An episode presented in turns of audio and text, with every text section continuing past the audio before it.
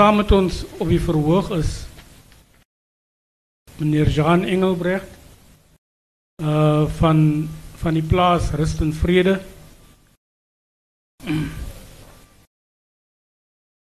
Wat nou al 315 jaar aan die gang is.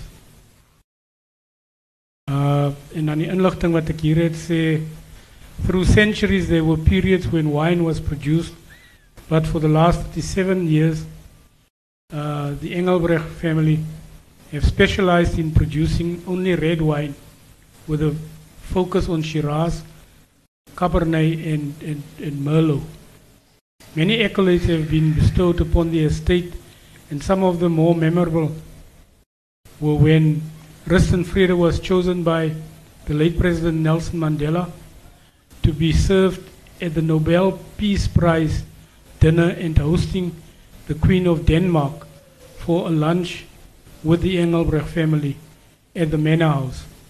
Rust en Vrede was nominated as the first South African red wine in the top 100 wines of the world and repeated this achievement for four consecutive years.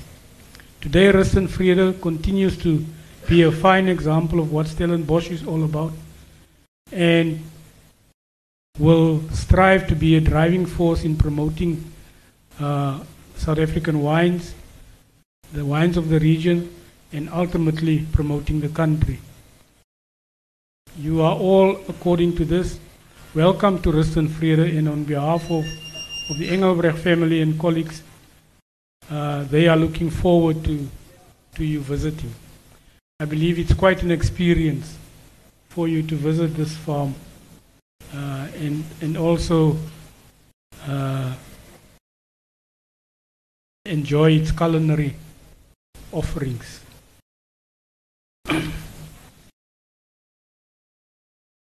then Dr. Johannes Moller. Nee, nee, nee, nee, nee. nee ek was hier op universiteit, maar wou nie van jou dokter saak.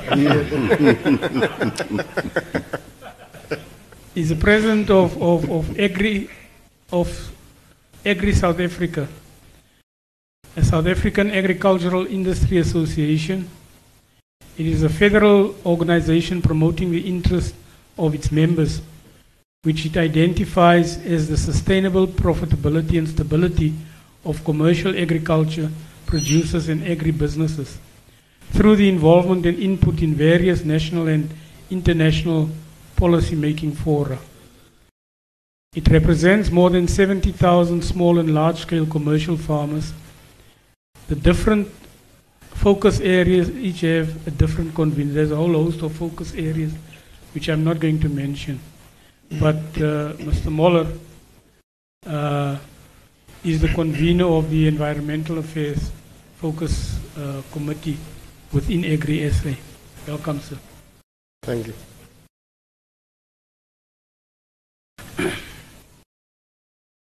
Minister Nkwinti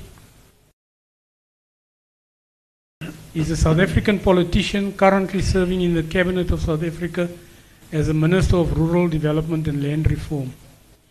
He holds a diploma in nursing in the field of psychiatry, as well as a bachelor's degree in political science, public administration, and applied economics from UNISA, 1972 to 1984. From 1972 to 1984, he worked as a professional nurse, and from 1984 to 1989, he worked for the United Democratic Front in the Eastern Cape. And he also worked as a research assistant in the Department of Psychology at Rhodes University. From 1990 to 1991, he served as the UDF and ANC regional secretary in the Eastern Cape. In 1994, he became the Speaker of the Eastern Cape Affairs in, in, in the province. 2004 saw him holding on to his position as MEC for Housing and Local Government, and in 2009 he was appointed as Minister of Rural Development and Land Reform. Nou ek hoef nie hier te herhaal hoe 'n komplekse situasie die hele kwessie van landelike ontwikkeling en grondhervorming vir ons is nie. En 'n mens het soms glad nie hoop dat dit uitdagings is wat die land ooit te bowe sal kom as jy luister na hoe die verskillende rolspelers in daai omgewing uh oor die kwessie met mekaar in in gesprek tree of op mekaar skel.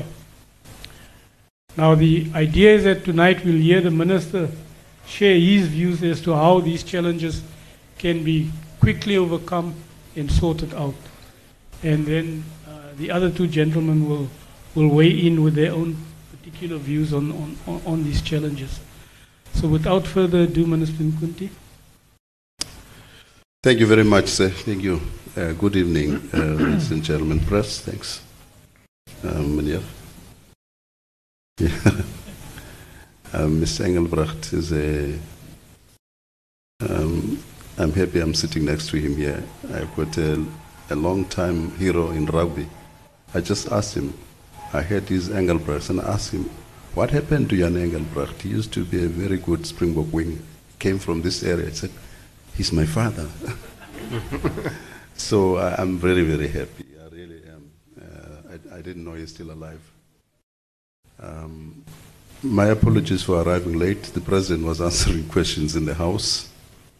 The first two hours was spent on other things. and, uh, and then he started answering at quarter past four. So it's, it would have been uh, discourteous of us to leave. We just said to sit and listen until the end, until the end of the, the discussion. At least it did end, and uh, I'm here now. Thanks very much for inviting me.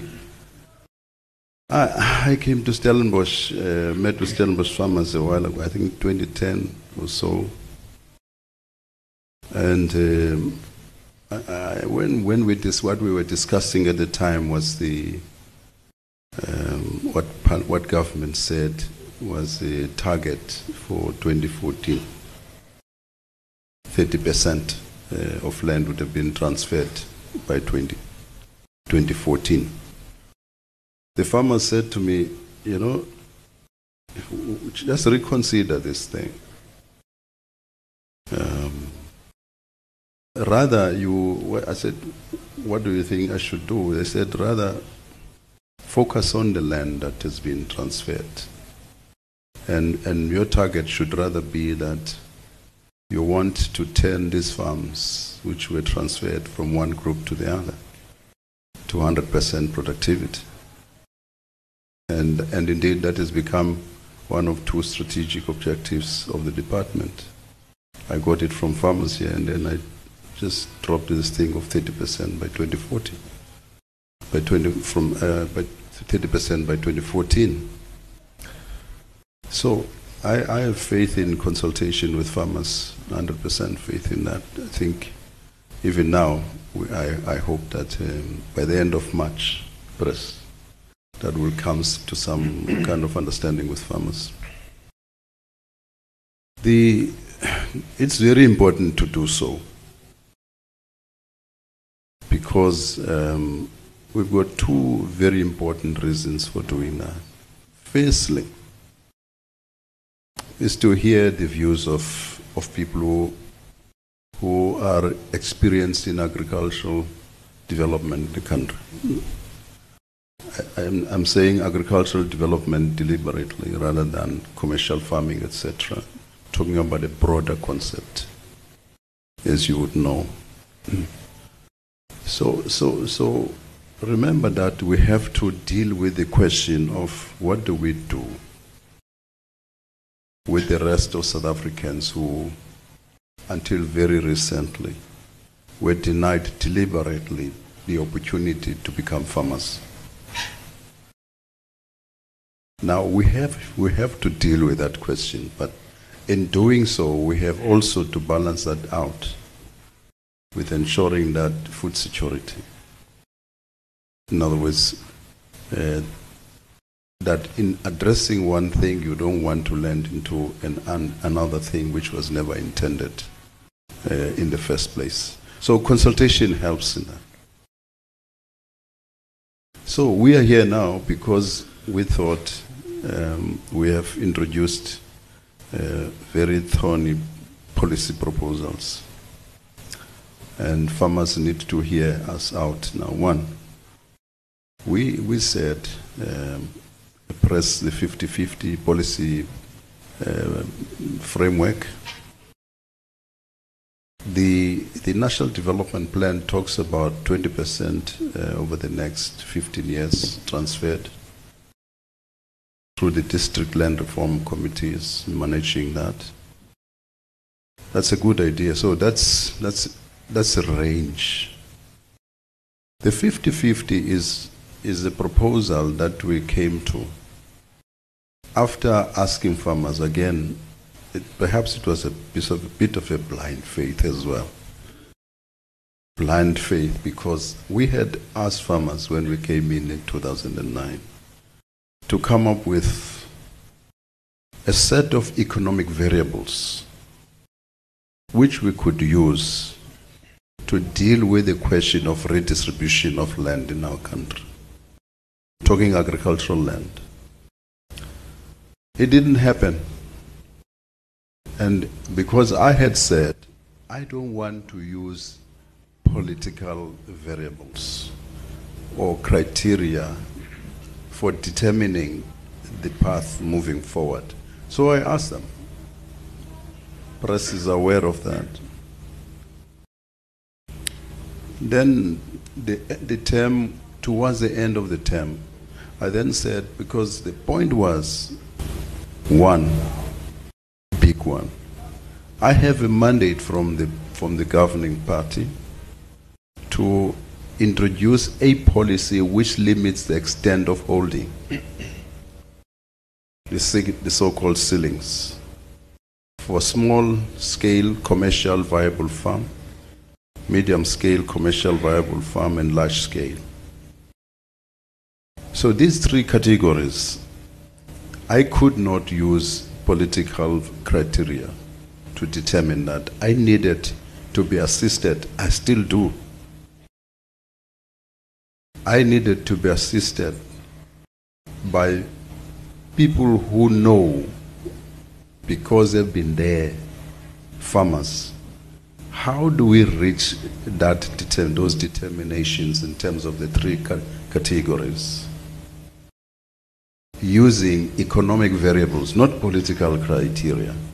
Because if I were to do it on my own, I would do so. I would use, I would use, I would simply go to the Freedom Charter.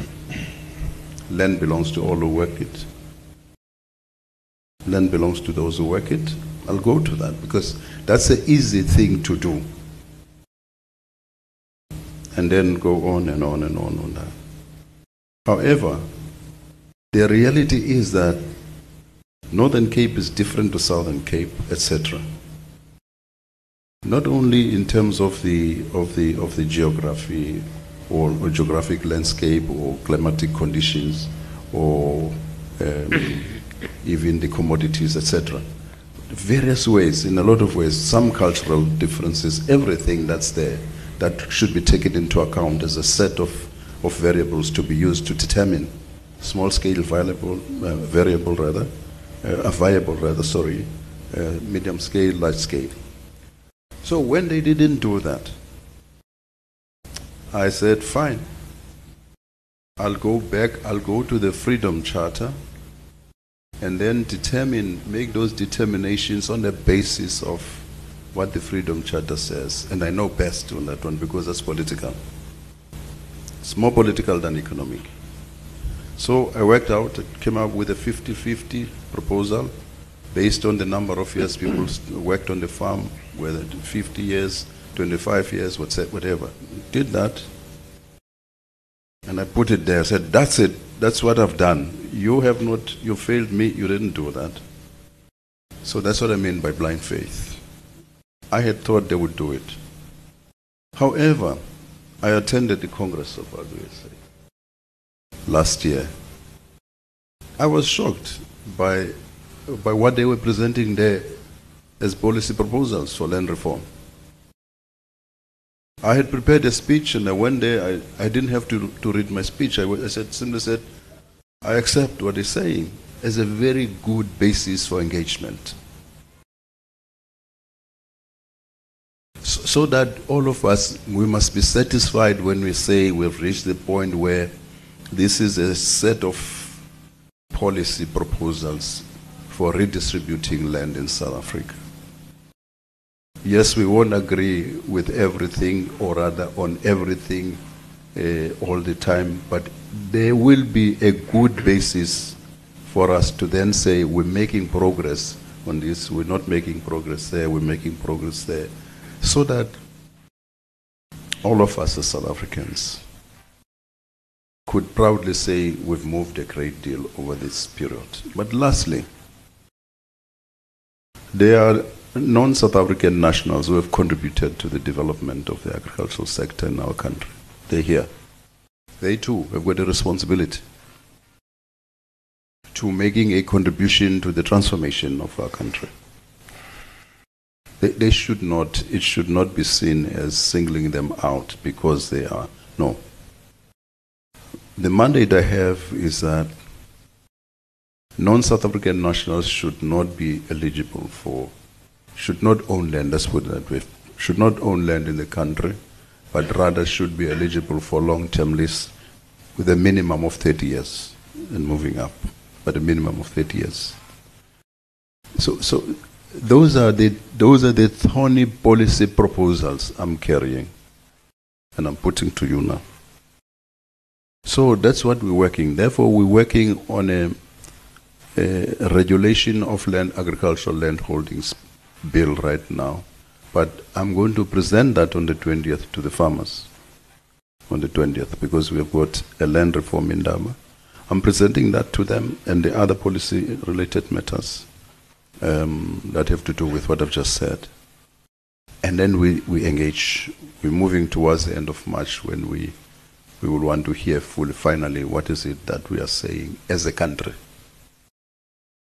That's why I'm here. Thank you very much, sir. Thank you, Minister. Now, Mr. Moller, um, the meeting the Minister refers to of Agri SA where he had to put his speech, prepared speech aside because of what he heard from Agri SA. Uh, that created quite a lot of media excitement. Uh, what, what did you say to the minister? What can you elaborate a little bit on, on what the plans were? Yeah, yes, thank you, Mr. Facilitator. I think, um, yeah, Minister, I think you took a few shortcuts in your in your presentation. What actually happened is, uh, uh, is uh, for a long time, it's not as if uh, as if we didn't make any policy proposals, but but our view was that land reforms should be done by government. Government should buy the land, transfer it, and we will support it. We support it from the viewpoint of after 1994, we expected all South Africans to to participate in the economy and to have access to all resources, including agricultural land, water, and so on. And that should actually have aided the economy to grow a lot faster than what happened after 1994. For us, it was the, the economic side of things was was just a big disappointment because we thought, you know, if if five or ten times as many people have access to resources, then the economy hmm. can grow a lot faster than it did. So what we propose to the minister for, for all that time is, is buy the land, transfer it, and we will help with the development of, of new farmers. And we've done that through our through our uh, commodity organizations, which is part of South uh, Agri South Africa. But then the minister, as he quite rightly said, said no, the, the sector must must take charge and the sector must participate. So then we moved on to the green paper on, on land reform and and and, agri- and, uh, and rural development, and we participated in the so-called NAREG process, the National Reference Group process, and we said to the minister, we can't make policy proposals from the sector if we don't have the, the green paper in place, if we don't know what the national policy on, on uh, land reform and, and agriculture and, and rural development will look like. So we participated in that in each and every one of, of those uh, fora. And, and we went to the, the, uh, the minister and said, this is a very expensive process. Everybody in organized agriculture will not be able to participate in this process. After that, we went to the, to the governing party we, we made the, the same statement to them and to the Progressive Business Forum and said, our fear is that, that after this process has been concluded, that some of the organizations will say we simply couldn't afford to, to participate to a satisfactory level in, in this. And that's why we only formulated our uh, changed or new approach at last year's uh, Congress. And, uh, and it, took a, it took a lot of work. After we said, okay, we have, we have adequate clarity on where the green paper is heading. Even now, there's not 100% clarity on, on how implementation of, of the green paper will look eventually. But, but we accept it. The, the time has now come to start formulating a policy on how the sector will participate in land reform. And we still support land reform. There's no question about that. Agri SA support land reform. We even support government and say that the current uh, uh, distribution of land did not come about without govern, government intervening in the process. So we can't just leave it to the market. We accept that as well. But as you quite rightly said, production must be maintained, food security must be at an adequate level. You know, the, the latest figures was uh, uh, uh agri is, uh, that South Africa uh, on, on a 1 to 100 scale, the, the, developed countries is about 6, 70 to 80 points that they score. The rest of Africa score below 40, uh, and South Africa scores about 61 on the DuPont scale of food security. Mm. And that's why we started working. And, and as you, you also quite rightly pointed out, and, and uh, the week before last, we had a discussion with the, with the Secretary General of the governing party. And he said, but you must realize that land is a very emotional issue. As if it isn't a, a, a very emotional issue for everybody. Mm. I'm a farmer, you know, and that's why in, in June of last year, I, I decided uh, quite autocratically that, that the technical work should be done by people who doesn't own land. That was the way that we took emotion out of our approach. And I think it worked very well. I, I, think they're collaborating with your, our technical task team, with your interdepartmental task team. And, and I am reading the, the reports, and I'm quite positive about the, the, the work that they're doing and the progress that they're making at the moment. But we decided, you know, we, we always test policy and policy proposals that we make to government at three levels. The first one is uh, you know, it must be done within the ambit of, of current laws. Any policy proposals that we make. So we want to make sure that the proposals that we make is at least constitutional, but also ties in with other uh, uh, acts and laws, like, like for example, the broad-based uh, black economic e empowerment law. The second one is we want to make sure that policy is economically viable. In other words, the, the economic viability of the sector must be maintained. And thirdly, and that's what, what you also appreciated, is that it must also be socially responsible. And that's what, our, uh, what, what we said in our policy proposals. It must make economic sense. That means that, that people, farmers and new landowners mustn't be forced by law into new processes, and it must be constitutional. It must make economic sense. Farmers are business people.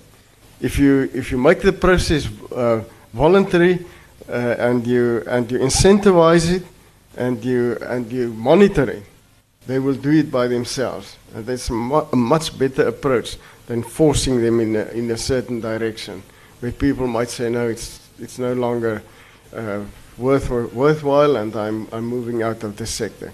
That will be a failure for, for the whole of South Africa, not just the agricultural sector. And I, I also think, you know, that socially, we've got to develop the rural areas.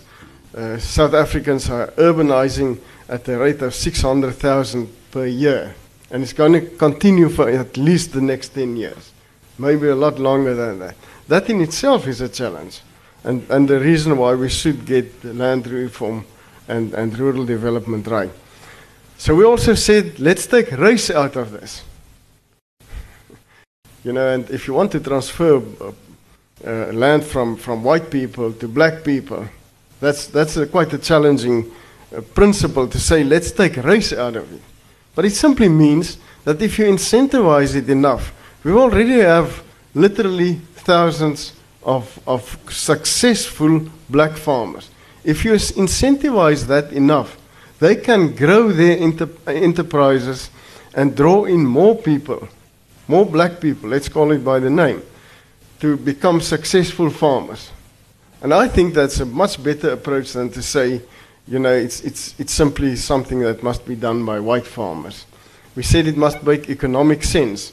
So we're trying to move it from uh, the ideological base to something that makes economic sense, where we can grow agriculture, grow it in the, in the communal areas and, and so on. We're opposed to the 50 50 uh, proposal. I think there's, within the framework uh, that we developed and that I explained in very, very short, uh, the framework also encompasses and, foresee a, a special purpose vehicle that must be created, and the function of the special purpose vehicle will be that, uh, uh, that of financing, of, uh, of incentivizing, of monitoring, and creating an ideas bank on how we should progress. We've progressed quite far with the Ideas Bank, and we will be presenting, uh, although it will still be to a limited extent, the, the Ideas Bank on, on how to go about it. We, we, on the social side, we, we've done a, a, few pilot projects during the past year, and uh, we've had very, very good results. For me, the eye opener was that, that the problem of unemployment in South Africa, in my view, is much more a problem of people being unemployable mm. than, than not, you know, than not a, a, question of, of a lack of opportunities to be unemployed. Because the, the people that, that we've employed over the, or, or educated and trained over the last year have all been employed before they even finished the, the course that, and, and obtained the diploma. Uh, and that, you know, showed for me that uh, that, that's the, the problem. And that's, that's probably where the solution to, uh, to rural development also lies. So that's why we, we proposed this framework. We've done a lot of work and we will be able to present uh, a, a, much more developed framework by the 20th of March. Uh, even here in the, in the Western Cape, over, over, since October, we've seen a number of developments on, uh, on, on land reform. Hortgro just this morning presented to me uh, their new initiative in the fruit industry where they want to create 5,000 new jobs, mm. basically small new far- farmers. And they, they're investing something like 500 million rand from the fruit industry in that. So the, the accusation that, that we haven't done anything in the, in the past and that we're not doing anything now isn't true. We might not be doing enough. But then let's speed up the process. Even when we, when we spoke to the Secretary General, uh, he said, but, but this shouldn't be voluntary. It, it should be encompassed in, in an act, and people should be forced to do the right things. But, but the, the, the examples that they had there of successful land reform and, and successful new farmers all met the, these two criteria. All of them were voluntary and they were incentivized. And just as a, as a last remark, uh, Mr. Jeffries pointed out quite right that we have more than 70,000 members, especially through our commodity organizations. There are only about 36,000 um, uh, commercial farmers in South Africa. 20,000 of them are our members, and the rest obviously are not white commercial farmers. So uh, we are no longer, Agri-SA are no longer, is no longer uh, a white organization. Uh, to a certain extent, we've never been one, but, but let's leave that argument. At least we can say now uh, we, we are no longer a white farmers organization. Isn't the issue of trust a big stumbling block? Of course, it's a stumbling block in the whole of South Africa. But we've got a, we also have a program through which we build trust. Trust must be built and earned. And you've got to have, you've got to have, you've got to measure progress. Otherwise, you'll never build trust. You've got to say, these are our goals. Where are we now? And you've got to have conflict resolution uh, uh, pro- processes because somewhere along the line you, you're going to differ. And we've differed a lot with the minister. The minister said, I'm not his friend. I only represent Agri SA, I'll never be his friend. but even so, we kept on, on speaking and we've always been friendly. We and are uh, friends. I, I appreciate, I really appreciate the Don't hide that. I really appreciate the, the minister's pragmatic approach. He'll, he'll force things in a certain direction, but, but we've always experienced him as being pragmatic. And I, I think this will, from the 20th of March going forward, this will also be the case. And I, I hope that will be the case. Minister, do you think pro- progress is possible on the front of trust? Uh, you are also exposed to, to other political forces and formations uh, within the governing alliance. And some of your alliance partners have got very strong views on the issue of whether to trust that the farmers in the country, let's call it the white farmers, uh, are sufficiently committed to want to resolve the, the, problem of, of, of land reform and ownership. Well, my biggest problem uh, is not those forces. My biggest problem is Luthuli House. that that uh, led by the Secretary General Gwede Mantashe. He, he, he does not agree with me. Uh, uh, he was public on it. I don't agree with this 50 50. He was the first to phone that Sunday morning, I remember very well. So, what is this? So, so they, these, are, these are farmers there. They, they, they, they, in the typical ANC uh, situation, they're very pragmatic. Uh, last week, uh, on Thursday, I think it's last week, Thursday, they, they, the farmers went there, including um, uh, John Purchase. They when they met with them before they met, they met me the following day, Friday. They went to Luthuli. I think they, they trust Luthuli more than they do me. so that's my biggest problem is, is Luthuli. The second problem is, I'm talking this trust question. The second problem is not you know, the people you, you, we often think are, are, would go wayward or too much to the left are the problem people. They are very conservative. They, they, they didn't, I still think they don't, they don't support fully the proposals that have, have introduced. Um, press is, there's a sense of this. They don't. Um, I, I've pushed hard to get the the, the Lekgotla, because the Lekgotla is broad. Push hard to get the Lekgotla to accept the proposals. So those people are not the problem. The problem for me is neither is a group of youngsters who've just come through and form a party and left the ANC and so on. That's not the problem, really. the real problem is, is our lack of courage, all of us collectively, to come up with something that would be regarded as sufficiently radical to stem away, to stem off the rest of the kind of anarchy that's coming through.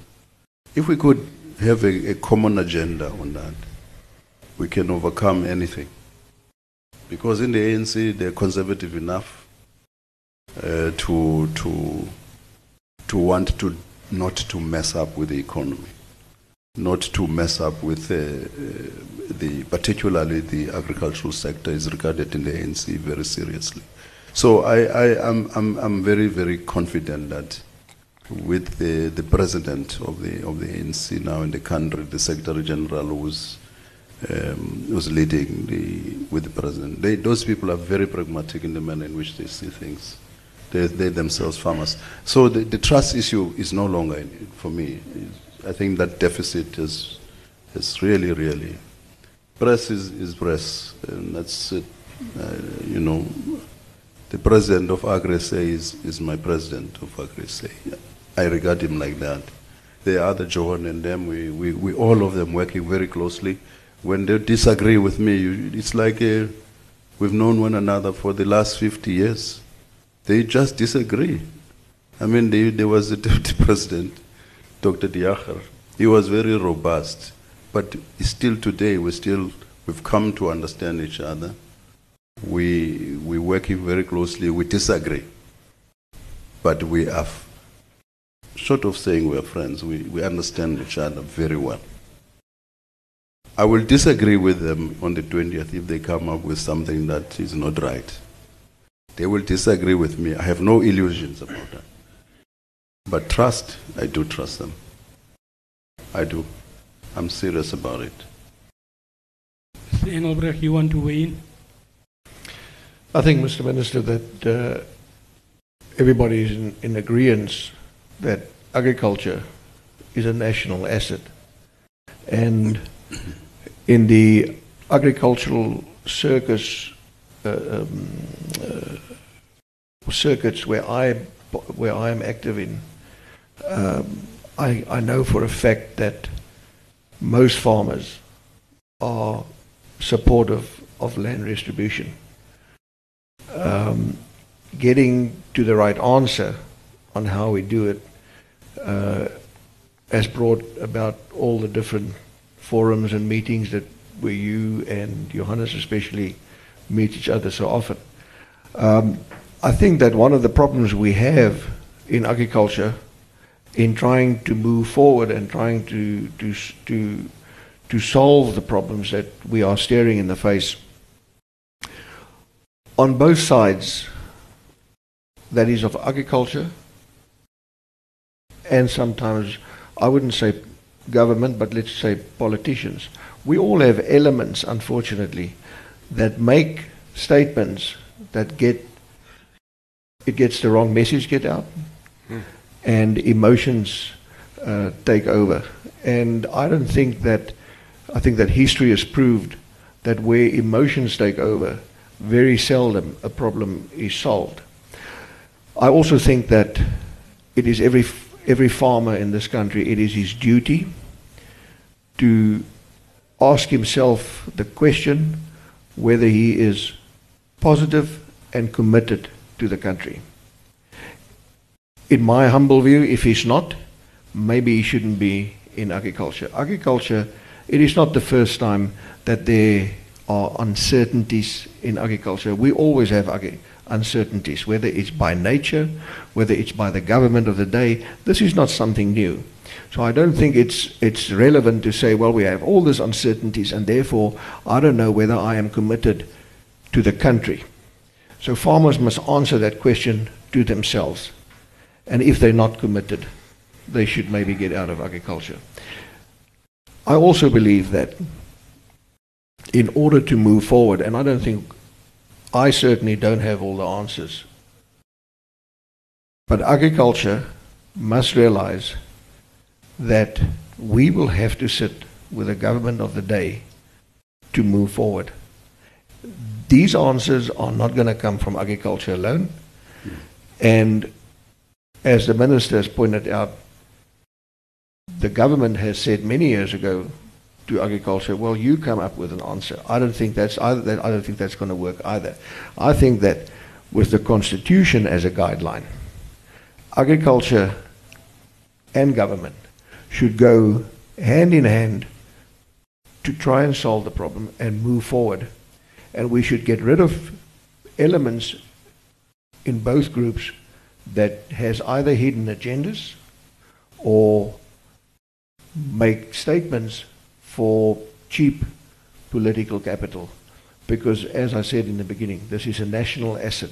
Hmm. And if agriculture doesn't work, it goes way beyond any color. The, the country suffers, every citizen of this country suffers, and we have, we have no other option than to make agriculture work. And we can only make it work if all the role players who are committed and positive stand together talk about it and try and solve the problems ahead. Are you satisfied that, given what the minister said and what Mr. Moller said just now, that we're at a point where we can take this forward in a in a progressive manner. I think I think we are. I think the steps that have been taken in the last six months, seven months, has been some of the best steps for agriculture with uh, uh, working together with government. It is. I think it is. It is. It is no secret, and definitely my perception and experience that prior to that, the last, the previous three years or so, unfortunately, a lot of damage was done not only to agriculture but to relationships uh, between government and agriculture. And agriculture is like any other sector in the country. If we are not willing to walk the path with government, we are going one step forward and two steps back. That doesn't mean that every particip- uh, every, every person that's participating or institution that participates needs to walk with a stick, because I think that is a big problem. Mm. Okay. I want to throw it open to the floor now. Uh, please uh, just show, show your hand if you want to make a comment or ask a question. And please just introduce yourself. And then we'll take it from there. There's a roving mic. Okay, can I see any hands there? The back. My name is Klaus Parkendorp, and I've been associated with uh, agricultural research for more than 50 years. And I think the big problem that we experience now is to get the emotion out of everything and what, what that every guy can go and farm. It's just a thing you just have to put down the seed or plant something and it grows. It doesn't work that way. This morning they had a discussion on innovation in South Africa, and South African agriculture was mentioned as one of the top innovators in terms of technolo- technological innovation. I think what we need is a damn good training program before we think about giving land to farmers. In America, after the Second World War, after the First World War, they had the land grant colleges where they trained guys who came back from the army before they went farming. Where our agricultural colleges have virtually collapsed. I don't think there's a training place for aspiring farmers. And I think before we talk about land, before we talk about tractors and equipment which is standing around, we should talk about training and getting people to know what they're going to do before they get to the farm. That's, that's the only way we can work. Thank you. Someone else?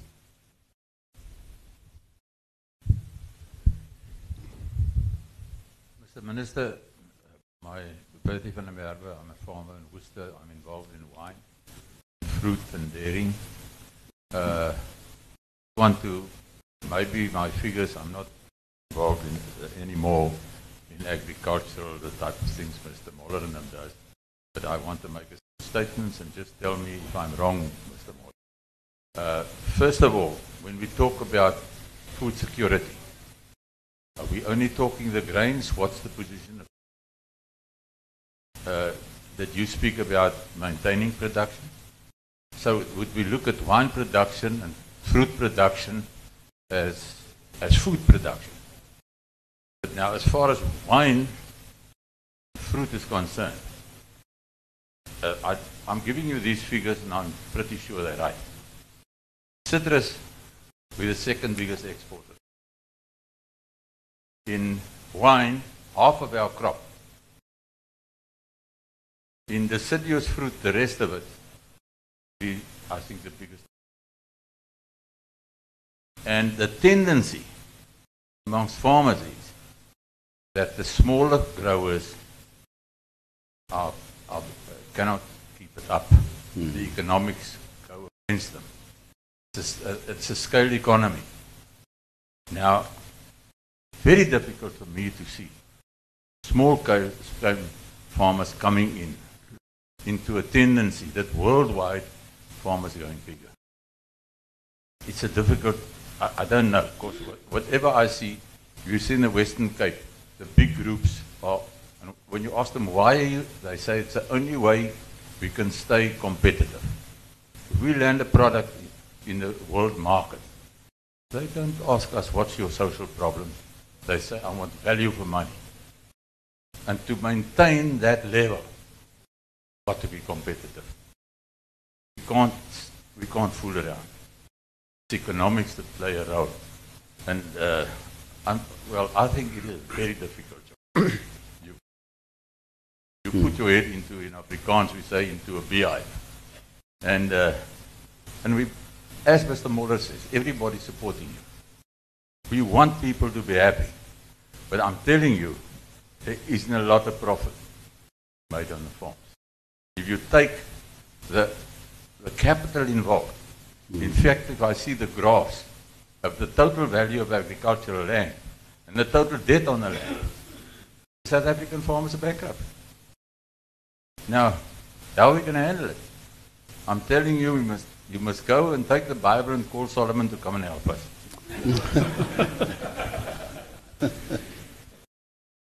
Any other questions or comments from the floor over here on the right? Thank you. Panel, uh, my name is uh, Jan Buurman. I practice as an advocate, uh, amongst other things, on land reform. Um, I think we are honored to have the minister here tonight.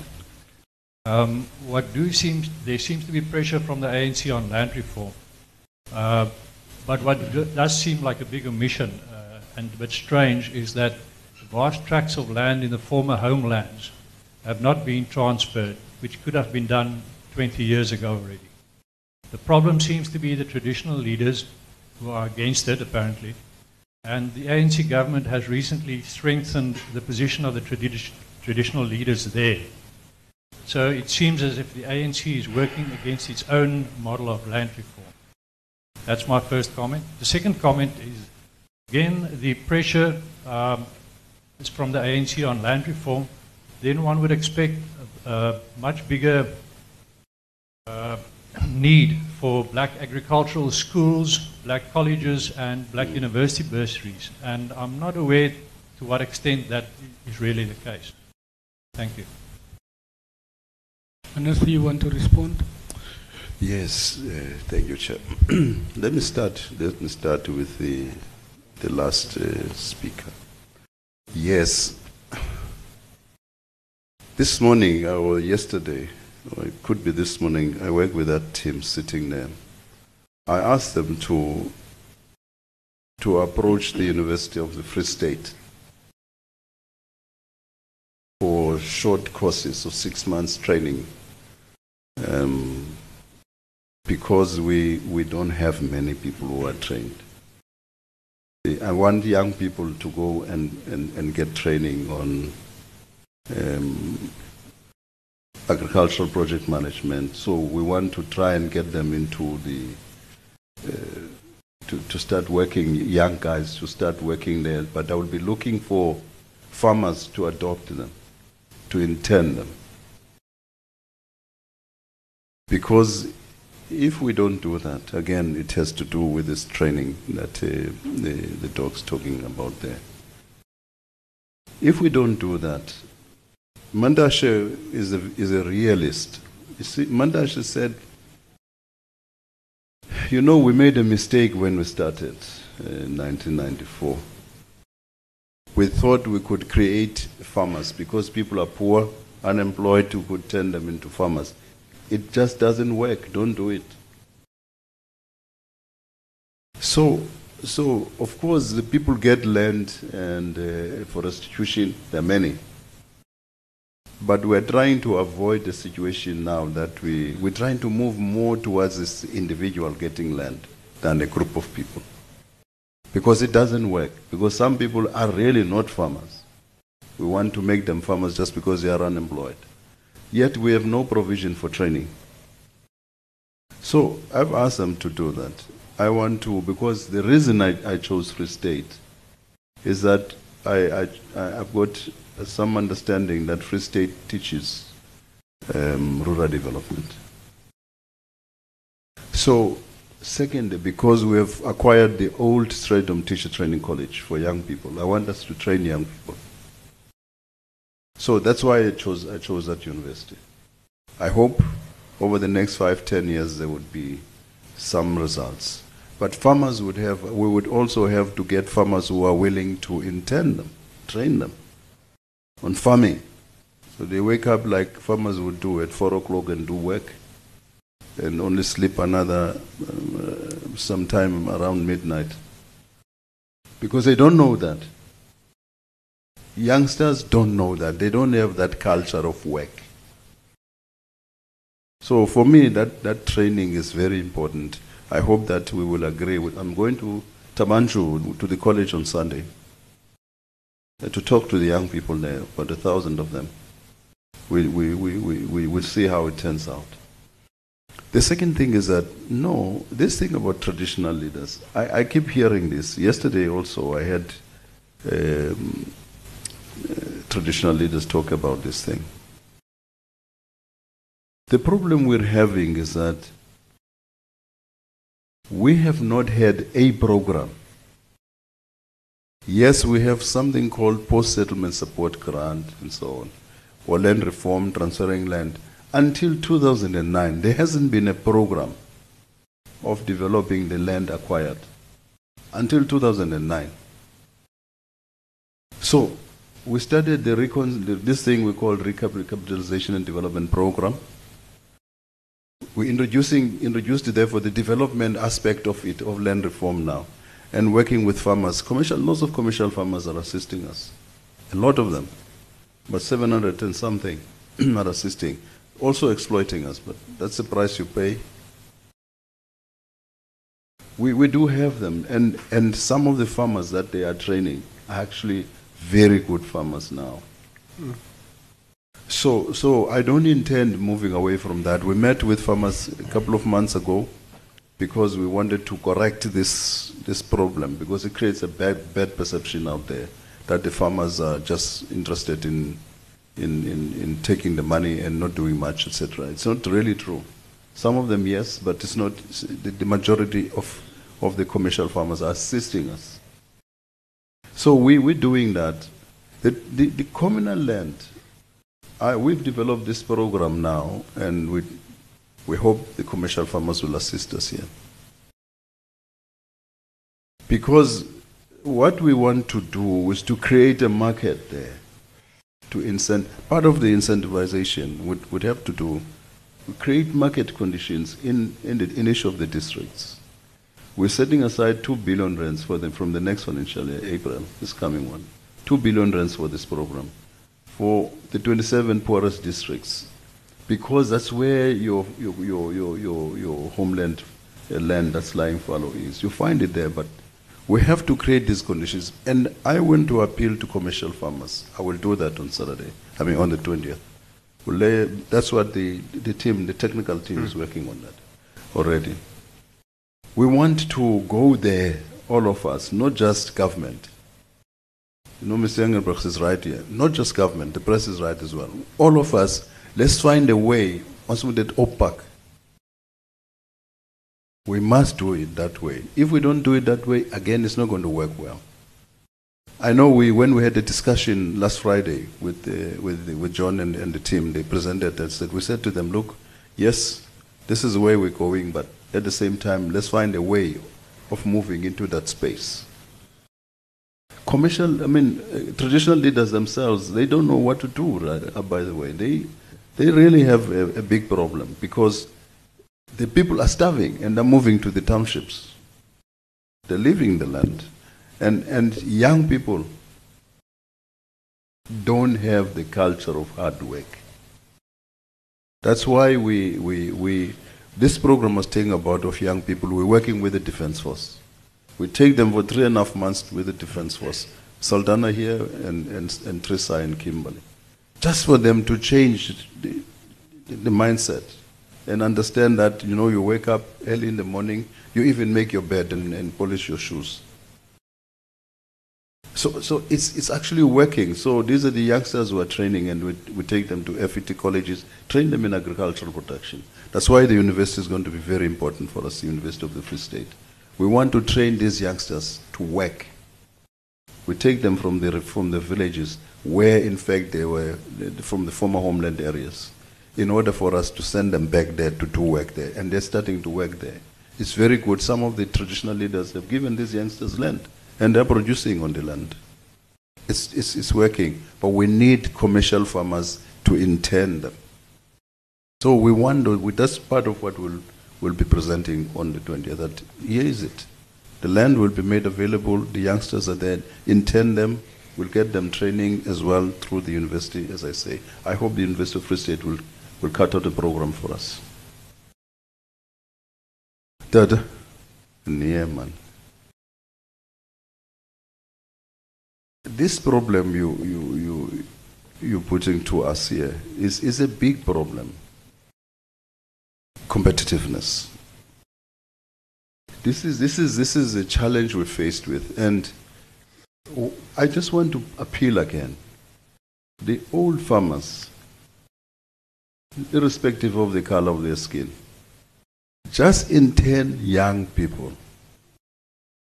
Train them how to be successful farmers. So that as we give them the land, they know what to do with the land.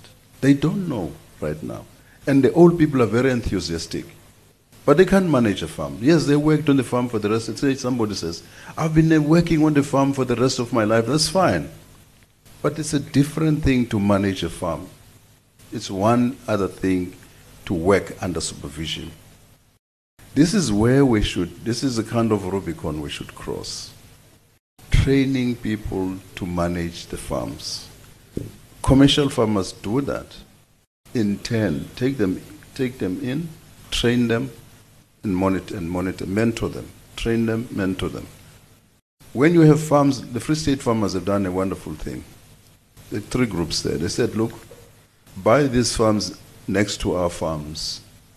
We have already created um, um, workers' trusts. Buy this farm. Then we'll create a company with them there will be majority shareholders, will be the minority shareholders. Or we'll train them on their farms, which we will together be running as a business. So we bought already three farms in the Free State on this because they said we, we can do this thing. I bought these farms last month. And I, I hope things are going to work well. I, I, I really like what I saw. In Stellenbosch, they called us there. They also, a Ceres rather, not Stellenbosch, Ceres. They, they say, look, here's land, 50 hectares, 90 hectares, the other one is 1,063 hectares, uh, 1,063 hectares. This, these are the farmers who say, all we want from you is just enhance the capacity of, of our dams. So we could then uh, open up. And this 50% will be these guys who work here, this 90%, but rather 90 hectares, sorry, 50 hectares, 90 hectares, etc. So we're looking for those success. This is a beautiful story for our country, as far as I'm concerned. I, I learned that Stellenbosch, uh, that, that 38 Stellenbosch farmers who want to, to engage with us on, the, on, the, on this matter as well. I, I hope they are here. I'm ready to engage them whenever it's possible. Training, yes, I've covered that. Ma'am. Meneer Moller, klink dit na lewensvatbare uitweg? Yes, I think so, but let me just, you know, it's not just the, the technology. We, we need um, uh, research. Research, uh, agricultural research at the moment is completely underfunded. We, we can't hope to, to stay competitive if we don't do adequate research mm. in agriculture. So that's got to change, it's got to change rapidly. And, and, and training, of course, and extension. You don't just need a mentor you need a professional extension officer as well, who knows what he's doing and doesn't have any connection to other farms or whatever. It's completely impartial, who's professional, and who can assist new farmers and, and current ones with the, the South Africa employs some of the best uh, technology in agriculture in the world. Uh, and that's why we stay competitive. Mm. But it must be based on, on research and extension and education as well. If you don't have that, you're going to lose your competitiveness. And in terms of, of the competitiveness and the size of farms, the, the figure that's now being kicked around of 135 mega farmers producing 70% of agricultural output is just incorrect. It's completely incorrect. Mm. Uh, I, I, think I know where it comes from, but it's, it's still incorrect. You, you don't have to believe it any longer than tonight, Minister. There's about nine. We've done a survey, a professional survey now again, to get the, to get the correct figures. There's about 9,000 farmers who produce about 80% of agricultural output. The rest, the other uh, 28, 27, 28,000 so-called commercial farmers are actually micro enterprises. They, they've got uh, gross incomes of, of somewhere between 500,000 and, and up to a maximum of 10 million rand a year turnover. So they're micro enterprises. You know, and, and coupled to a, a debt level of, of 63% of fixed assets, they simply don't have the capacity to, to, to go into a 50 50 uh, uh, uh, shareholding scheme. So we've got to take that into account. It's, it's not just the mega farmers. Uh, we've, we've got, uh, we call them commercial farmers, but they're actually really micro enterprises. Um, and we've got to take that into account as well. And that's why I told you right at the outset, when we started uh, discussing these things, you'll probably remember because you made a note of it, that one size in agriculture will never fit all. And that's why, that's why in, in our framework, we said land reform should be based on individual business plans for each and every farm that's being transferred. And, and that will keep us competitive. If we base it on business, uh, uh, on a business approach and on business plans for every farm that we transfer, and then we've got um, training going into, into the new farmers, extension officers, research, and etc., and the mentor, then, then you'll get the recipe right.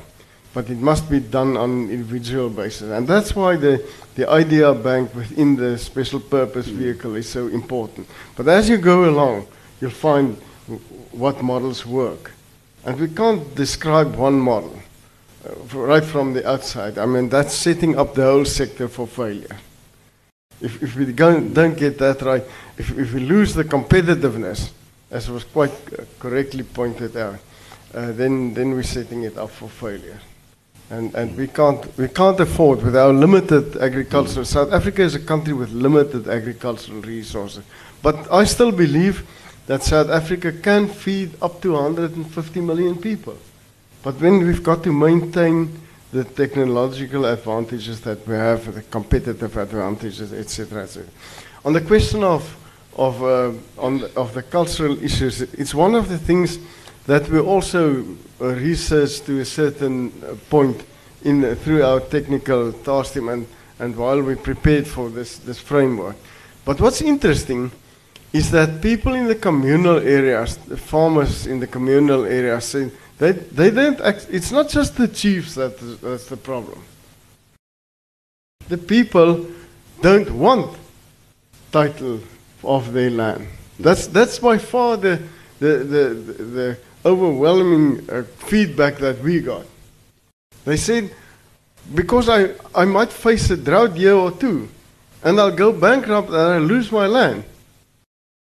But if I don't have title, I don't have something that I, I can lose. And, and, and it's, a, it's an approach for a small, a very small farmer that there's some merit. So actually, if you view it from, from a market-driven approach, it means that, that by and large, a lot of, of the small, those small farmers in communal areas are still risk averse. And, and that's why we formulated it in such a way and said we must also take race out of, out of, of the, the approach to land reform. So that the people in communal areas who, who, who are not risk averse can also start developing. Because I believe if that development takes place, and, and, and let's, not, let's not force the issue of, of, of, of property rights just from this, right from the start. Eventually, we've got to move there because that will enhance competitiveness and we've got to be competitive. Uh, and, and that's why we incidentally, yeah, maybe I should come back to that.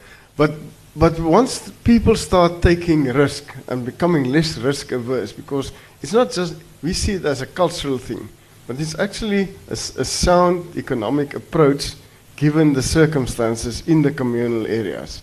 Hmm. But if we can get it right and some people start taking risks, I believe that the chiefs will eventually, and the communal leaders, will eventually realize that, that this is development that's coming to the, to the communal areas, and they will start supporting it. But the, but the other way around, the top-down approach is not going to work. I, I firmly believe it, it's not going to work. I've seen it through our research that we've done uh, in, a, in a very short space of time, and, and I appreciate that you also said, you know, you also had other approaches. That was very similar to what we agreed on, that governments should, should uh, do the restitution and, and the land transfer, and, uh, uh, and, and that we should assist in, in, in uh, training new farmers. And that's why we, uh, we, we support the, the National Development Plan, especially Chapter 6, uh, uh, uh, as far as agriculture is re, uh, re, um, uh, regarded, and, and outcome 7 of, of the National Development Plan as well. Because we, we don't see it you know, as a capitalist plan. South Africa is not a capitalist country, and, and I, I think there's a, there are a lot of um, lessons to be learned from the African approach as well. But if you want to be competitive internationally, you've got to adhere to, to a market to a market-driven approach. Otherwise, you'll simply become uncompetitive, and, and, and, and the market will force you out of business internationally. Because uh, countries might might uh, be lenient among the, their own people, but uh, they not not to other people from other countries. There, you've got to be competitive, and that actually dictates a, a market-driven approach, as as the quite rightly was uh, uh, formulated within the, the national development plan. I- you know, you, you might call it uh, the ANC a conservative. They, they've also told me that we might call them liberal because uh, we see liberal as, uh, as, as rather the, the adherence to, to market forces and, and being in competitive internationally. You know, that's a more liberal approach. Conservative might, might be to say, no, government will look after you and you don't have to wake up early and go to sleep late at night and we'll look after you. That might be more conservative, but it simply won't work. Well, you, you seem to be agreeing with each other on most of these things.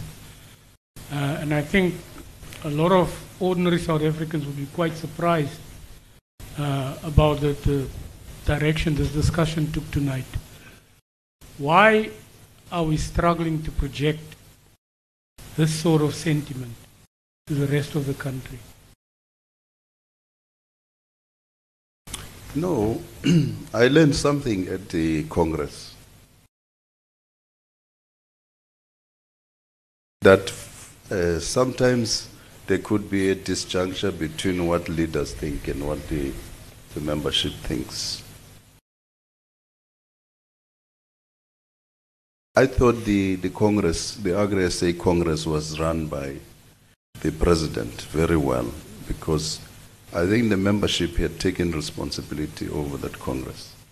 That was my assessment. But that's what was exciting about the Congress. It's the same with us, as I said earlier on. It took us to go to the Lekgotla to get the policies we wanted adopted. As long as the leaders were speaking in the media, they were saying, they remember they were saying, no, it's not ANC policy, blah, blah, blah. But they, that's, that's exactly what happened at the Congress. That's exactly what happened at the Lekgotla of the ANC. So, so what the point I'm making is that what, what leaders say sometimes, um, uh, it does not always represent what the membership do. I was, I was very satisfied with, the, with my observation there that the, the president of Agri-SA got a clear mandate from the membership to move uh, the land reform program forward. I got the same, and I'm happy. On the 20th, let's come together.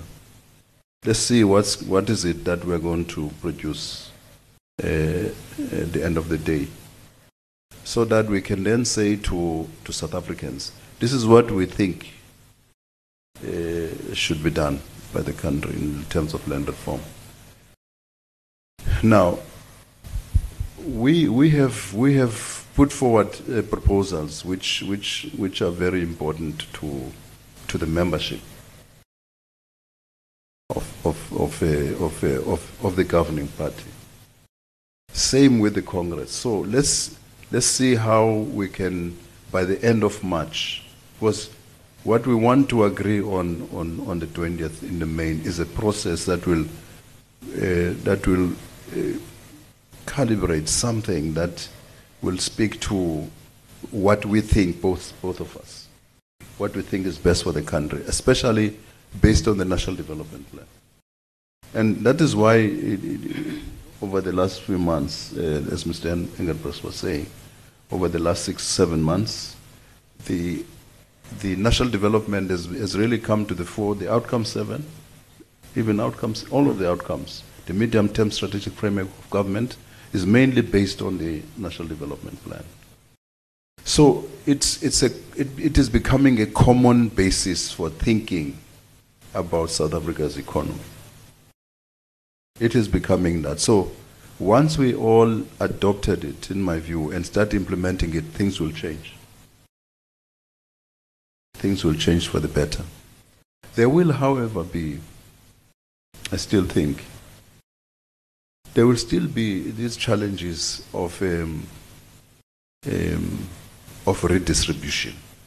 That challenge of redistribution remains we, we must find a way of resolving that question of redistribution. Now, we have, we have, the President signed into law a bill, the Special Planning and Land Use Management Act now. That law is going to assist us in terms of land use planning and so on, and ensure that nobody grabs land, blah, blah, blah. There's a law now, there's going to be a law which will also apply in rural areas. I mean, in communal land areas. So, traditional leaders, municipalities, mm, etc., we, we, are going to have to use this law so that we could protect the land as well, so that there's more land for agriculture, made, so that you don't find people just occupying land, agricultural land, putting up shacks there. So that's what you see. You saw what you saw in the Free State. They pulled them down.